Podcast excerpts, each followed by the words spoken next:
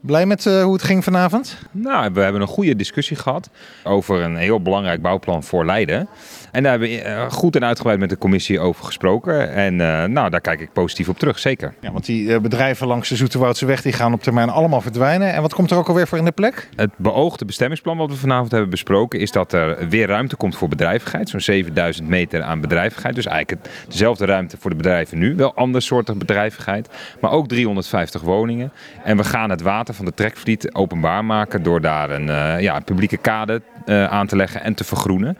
En nou ja, dat zijn zo uitgangspunten die we vanavond hebben besproken. En dan hoorde ik u zeggen, uh, er komt 4000 vierkante meter groen bij, maar waar dan? Nou, in het gebied zelf. Hè. Nu is het één grote asfaltplak. En ik heb eigenlijk geen enkel bouwplan nog gezien waarin verhouding zoveel groen wordt toegevoegd ten opzichte van de huidige situatie. Dus uh, de kade wordt publiek, uh, daar komt een wandelpad, daar komt heel veel groen. Dus je kan daar echt gaan verblijven, terwijl nu het gebied helemaal is afgesloten. En alle auto's die er nu staan? Ja, die gaan dus ook weg. Hè. Dus die bedrijven gaan naar elders. Er komen andersoortige bedrijven terug. Het asfalt verdwijnt dan. Er wordt natuur inclusief gebouwd. En, en ja, we gaan heel veel groen toevoegen. Echt een, een mooie combinatie van wonen, werken en prettig kunnen verblijven. Maar er blijft toch ook wel, wat is het, 144 parkeerplekken geloof ik? Ja, maar die gaan helemaal onder de grond. Dus er zit een ondergrondse parkeergarage in. Dus die ga je ook niet zien op het maaiveld. Dus die, ja, het blik gaat onder de grond. En dan heb je de ruimte tussen de huizen van de Zoeterwoudse weg en de waterkant. En daartussen moet dat, die nieuwbouw komen. Ja, verschillende partijen in de raad die, die willen een beetje schuiven met die bouwblokken. Hè? Ja, daar ging de discussie over.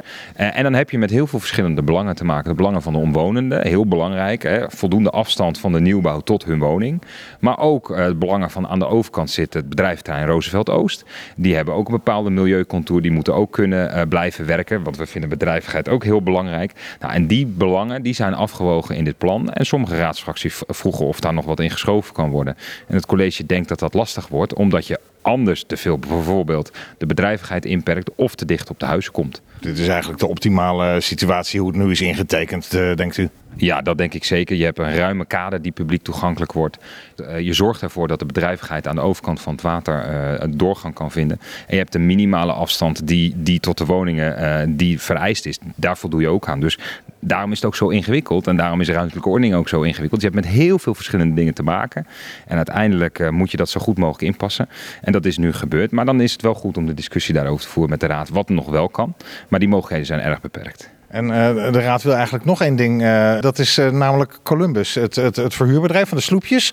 Die, die zitten daar nu. Die moeten weg. En u zei, ja, die kunnen eigenlijk niet terugkomen. Nee, die hebben daar gebruik gemaakt van een tijdelijke lichtplaatsvergunning. Daarnaast bestieren ze hun bedrijf vanuit een private kader. Die gronden zijn daar privaat van een eigenaar. Ja, die worden publiek, want die kader wordt publiek. Ja, dat betekent dat als er weer bedrijfsplaatsen terugkomen... en wij willen graag die kader openbaar maken, groen maken... dus daar zien wij niet zoveel ruimte. Maar stel dat de raad nou zegt, oké, okay, er komen een paar bedrijfslichtplaatsen voor terug... Ja, dan hebben we nog steeds te maken met, met loting. Er zijn veel bedrijven in Leiden die hier willen gaan werken. En dat betekent dat de raad daar kaders voor heeft meegegeven. Waarbinnen ik moet zorgen dat het een beetje eerlijk gebeurt. Een eerlijk speelveld creëren.